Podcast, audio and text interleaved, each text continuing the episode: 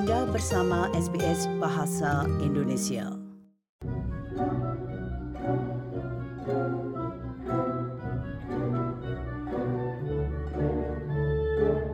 Musik pendengar sering kali disebut sebagai bahasa universal.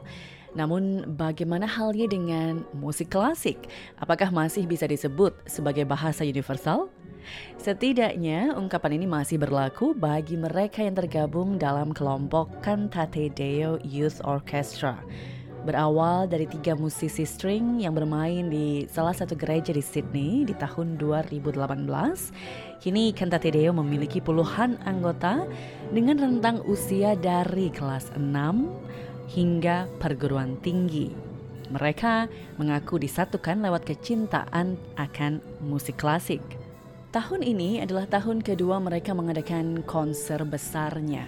Untuk tahu lebih rinci tentang gambaran konser mereka tahun ini, SBS Indonesia berbincang dengan Mahira Kasuma Putri dan juga Hika Nyoto Putro yang menjadi MC dalam konser yang dilangsungkan pada 16 Desember yang lalu.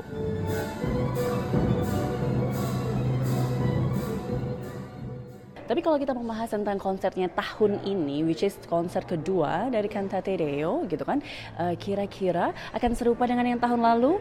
Akan ada perbedaan? Dikasih bocoran sedikit mungkin? Hmm, bocoran ya. Mungkin kalau bocoran bisa yang kita bisa bagikan adalah tentang temanya. Temanya kalau bisa dirangkum dalam satu kata adalah wonder. Kita kadang-kadang kalau melihat, terutama di zaman modern sekarang kita kepenginnya kalau di Indonesia ngomongnya gaspol gitu ya. Everything is such in a rush. Everyone wants to go instant in in food, in technology, in social media, in browsing everything. Dan kadang-kadang kita sendiri pun nggak merasa bahwa ini sudah Desember, sudah penghujung tahun. Kita nggak ada waktu untuk berhenti sejenak, pause, untuk reflect satu tahun sepanjang ini sudah seperti apa. Tapi keburunya kayak rush terus. Jadi yang kami harap dari konser ini, kita bisa berhenti sejenak, menikmati karya-karya musik yang agung dan juga indah dan juga bisa pause untuk bisa apa ya be captivated atau bisa ada sense of awe untuk bisa menikmati kembali hidup itu nggak harus dikebut terus.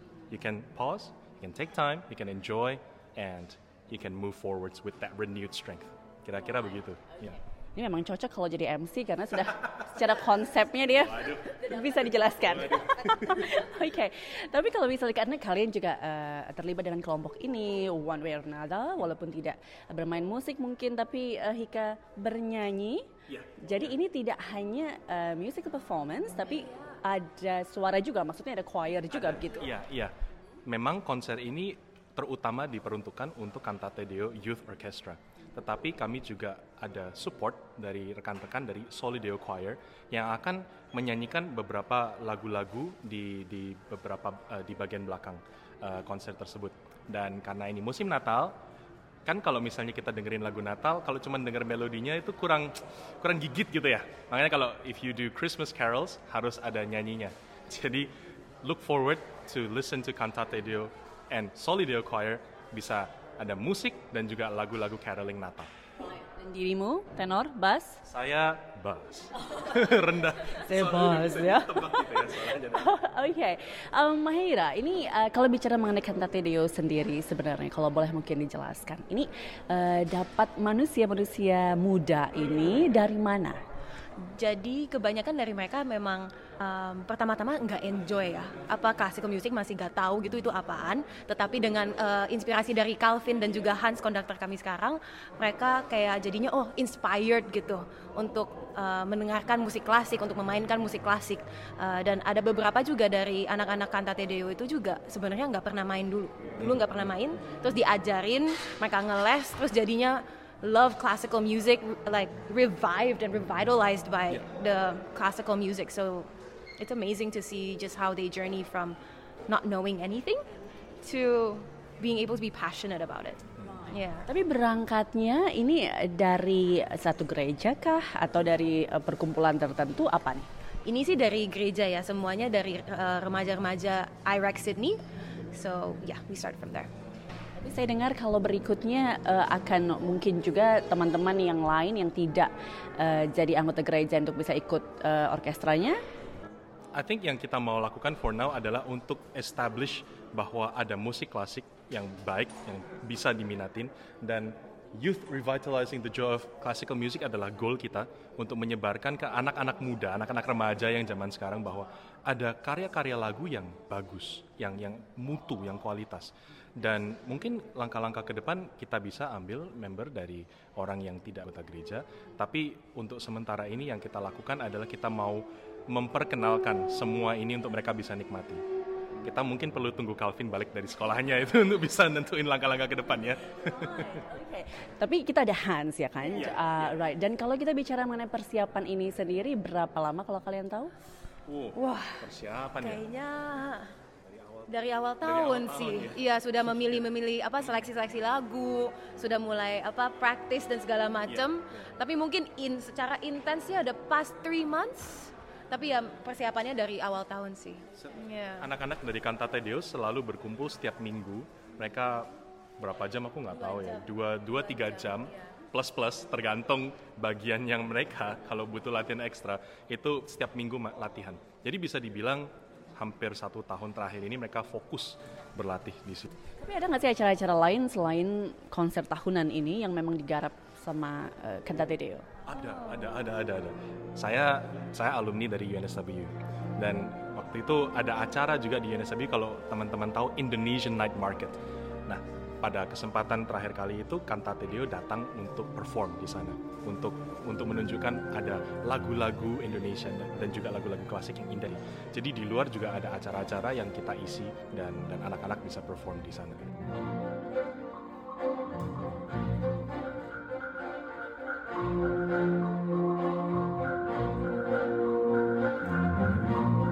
Saya selalu berpikir pendengar bahwa untuk bisa menguasai satu alat musik dan juga bahkan berani untuk uh, memainkan alat musik itu sebagai bagian dari satu orkestra ini perlu bertahun-tahun untuk belajar begitu dan juga tidak um, menutup kemungkinan kalau seseorang belajar mulai saat mereka kecil. Tapi ternyata tidak selalu begitu halnya dengan para anggota dari Cantate Deo Youth Orchestra ini. Beberapa ini hanya belajar alat musik kurang lebih dua atau tiga tahun yang lalu, bahkan sebelumnya pun tidak pernah belajar musik. Obrolan saya yang berikutnya dengan pemain perkusi Owen Usain dan juga kakaknya yang satu tahun lebih tua, Dylan Usain, yang memainkan double bass terkait dengan kapan mereka mulai belajar dan juga penampilan mereka dalam konser ini.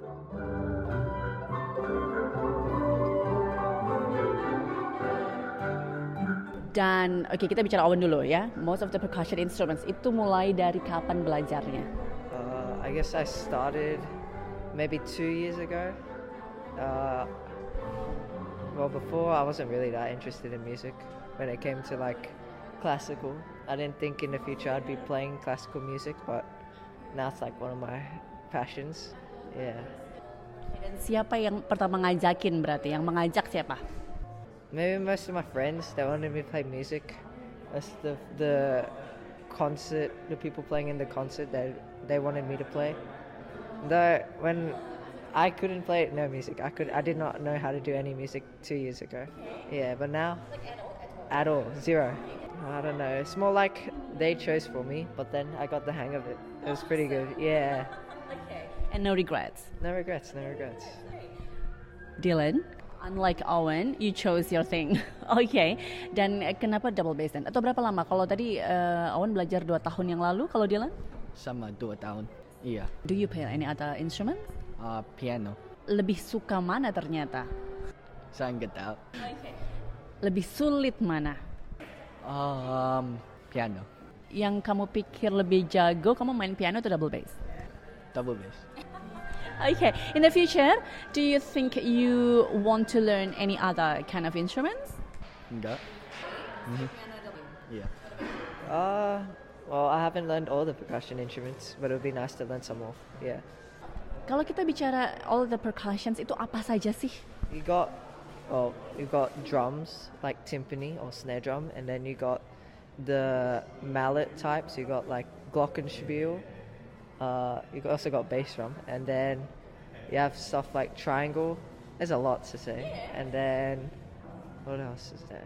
We got uh, the keyboard, and then yeah, keyboard is more like a fill-in for like other instruments, and then cymbals. We got crash cymbals and suspended cymbals, and that's about it. Berarti kurang lebih tujuh, like seven or eight styles that you have learned in the past two years. You've been busy, Owen. Yeah, I've been very busy. Selain dengan Owen dan Delaney Hussein pendengar, saya juga sempat berbincang dengan pemain klarinet anak kelas 10, Emily Santoso, yang mengaku lebih menikmati bermain klarinet daripada piano. Emily juga sempat membagikan tips dan trik bagaimana bermain klarinet dalam satu orkestra. Klarinet itu kan alat tiup ya. Harus punya nafas yang seberapa panjang, Emily? Um, depends sih. Tapi mestinya bisa like as long as it's not like really fast runs.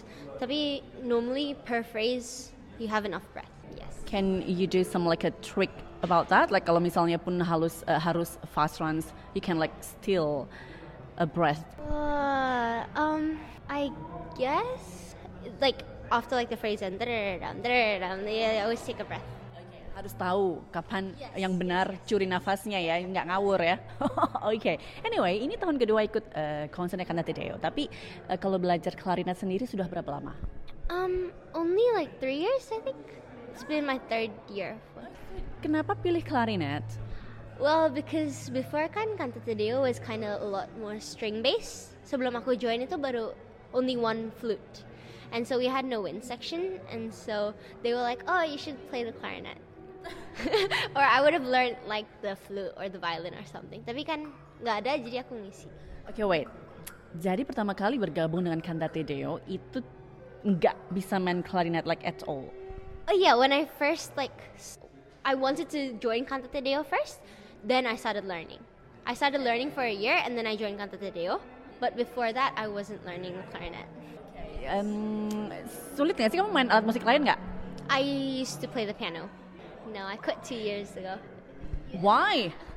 Um, I feel like I don't know. I enjoyed the clarinet a lot more, and I kind of got lazy with the piano. So Oke, bocoran. Ini dari uh, pieces yang kamu nanti akan mainkan bersama uh, Cantate Deo. Apa yang paling sulit? yang paling sulit ya, ooh, probably the peer. Um, just because it's faster and there's a certain like um, section yang at the very end, itu not a lot of people are playing and it's just the winds, and it's just in a really high regis- register for me. Kayak so it's just harder than all of the other pieces. Cuman wins. Jadi kalau misalnya ada yang salah di situ akan terdengar gitu ya. Kedengeran banget banget. There's only like a couple, like there's probably only three, four people that are playing in that section. Jadi if I play it wrong, then you'll hear it.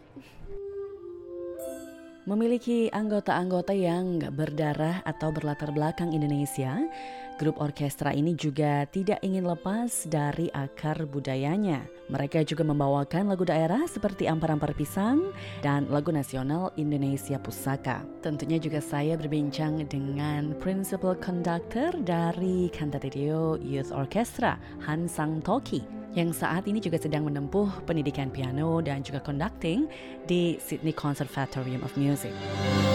Karena kamu yang mengulik semua lagu, eh, apakah kamu juga yang memilih lagu-lagunya atau gimana?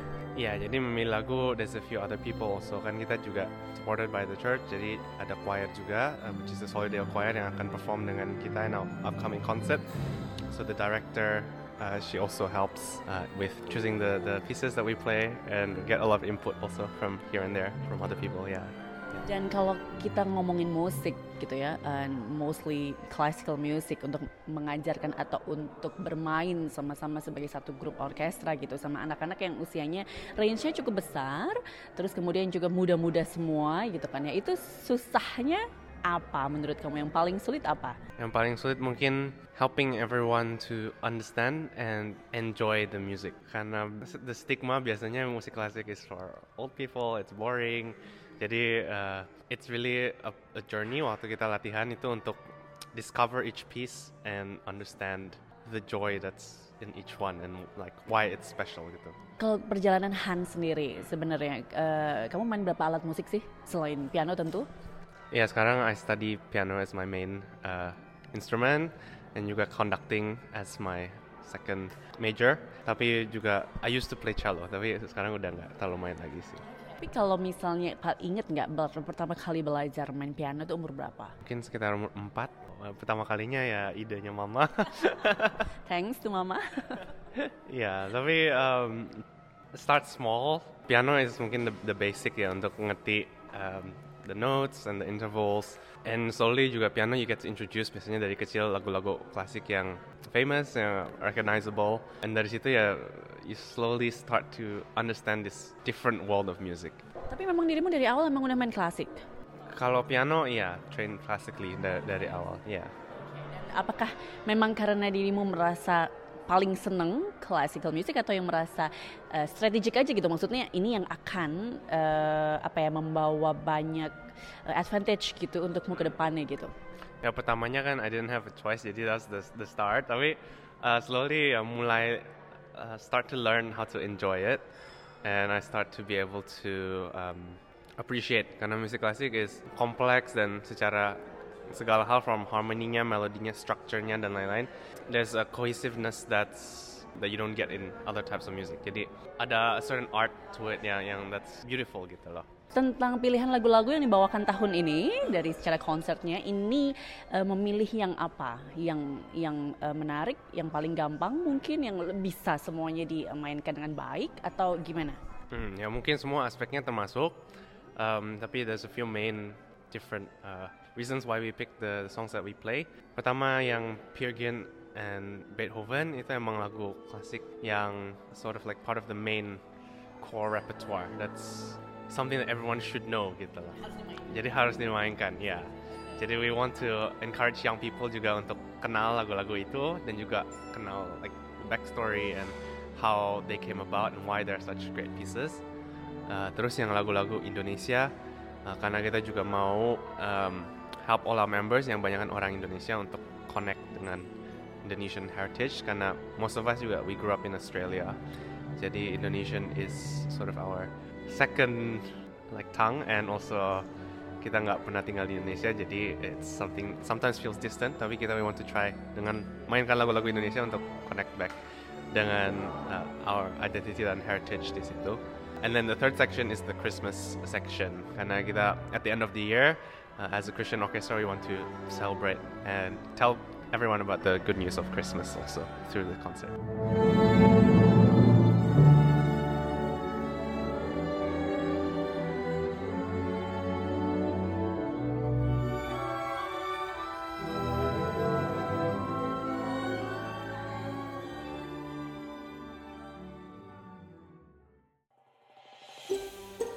Anda ingin mendengar cerita-cerita seperti ini? Dengarkan di Apple Podcast, Google Podcast, Spotify, atau di mana pun Anda mendapatkan podcast Anda.